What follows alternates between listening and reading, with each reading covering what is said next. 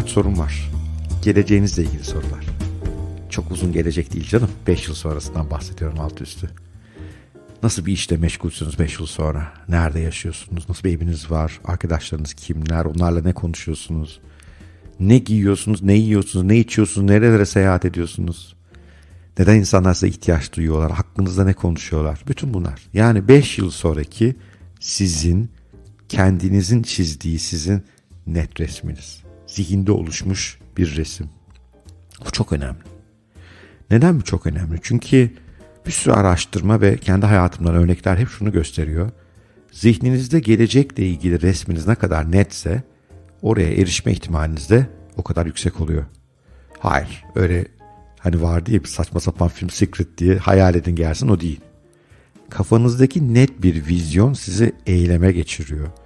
O vizyona ulaşmak için olan fırsatlarla karşılaştığınızda gözünüzün daha açık olmasını sağlıyor ve nihayetinde oraya doğru yürüyor oluyorsunuz.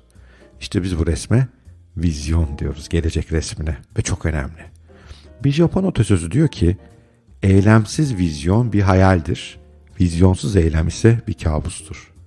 Yani her gün koşturuyorsanız ama bir hayaliniz, vizyonunuz yoksa nereye varacağınız belli değil.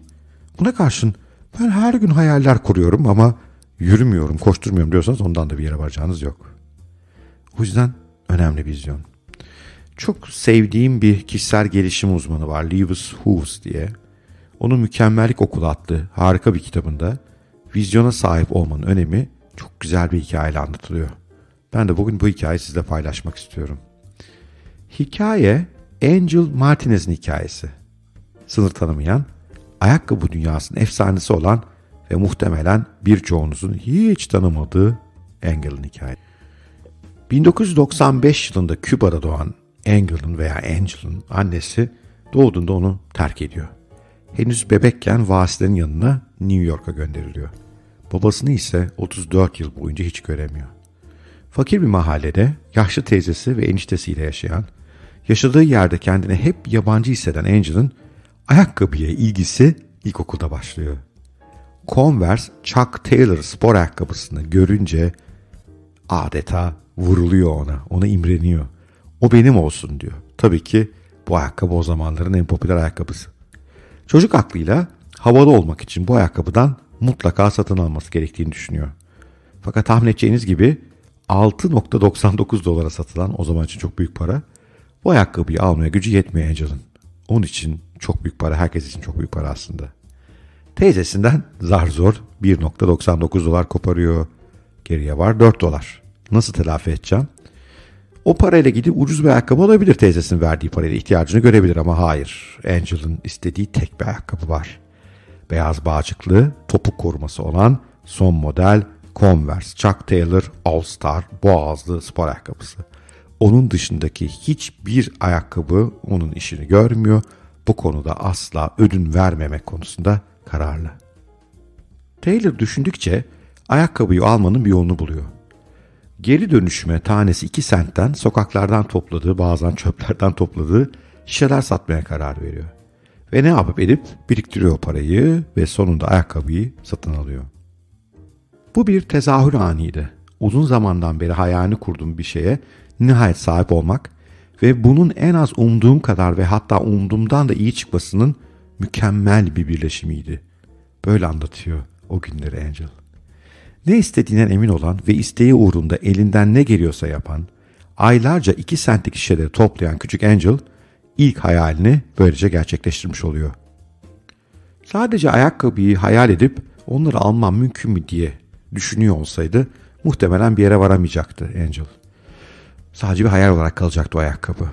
O gün yaşadığı bu hayal et ve eyleme geç döngüsü onun hayatında gerçekten bir dönüm noktası oluyor ve hayatını şekillendirmeye başlıyor. Hayatı boyunca hedeflerini açık ve net şekilde belirlemesi ve hedeflerine ulaşmadaki tutkusu onu dev markalar olan Reebok'un kurucusu ardından da Deckers'ın CEO'su yapıyor.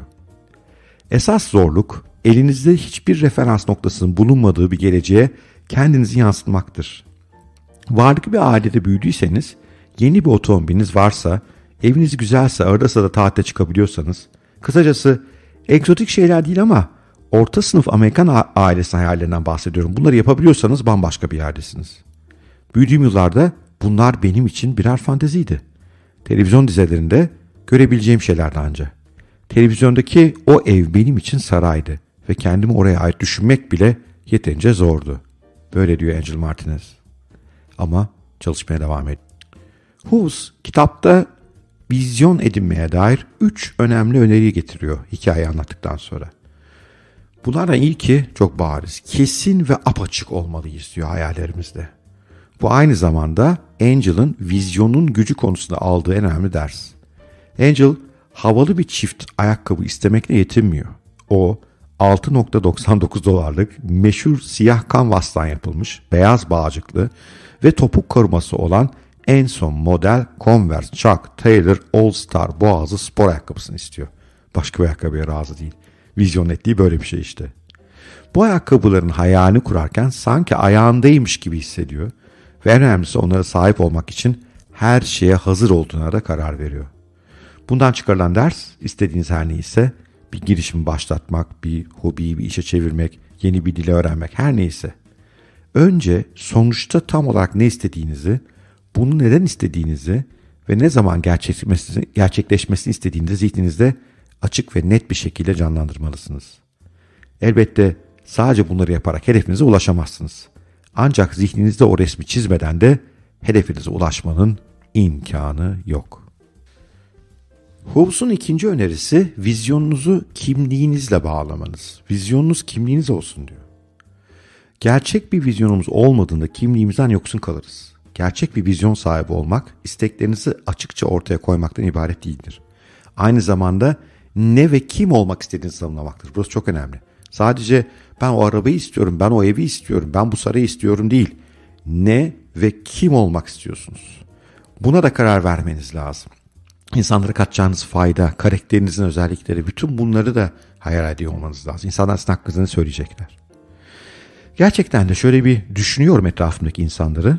En güçlü duran, özgüvene ve net bir karaktere sahip insanların istisnasız hepsinin bir vizyonu var.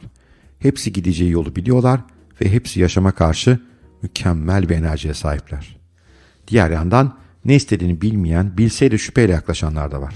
İşte bu insanlar her sabah yataktan zorla çıkan, sürekli canım bir şey yapmak istemiyor, tükenmiş hissediyorum diye söylenen insanlar.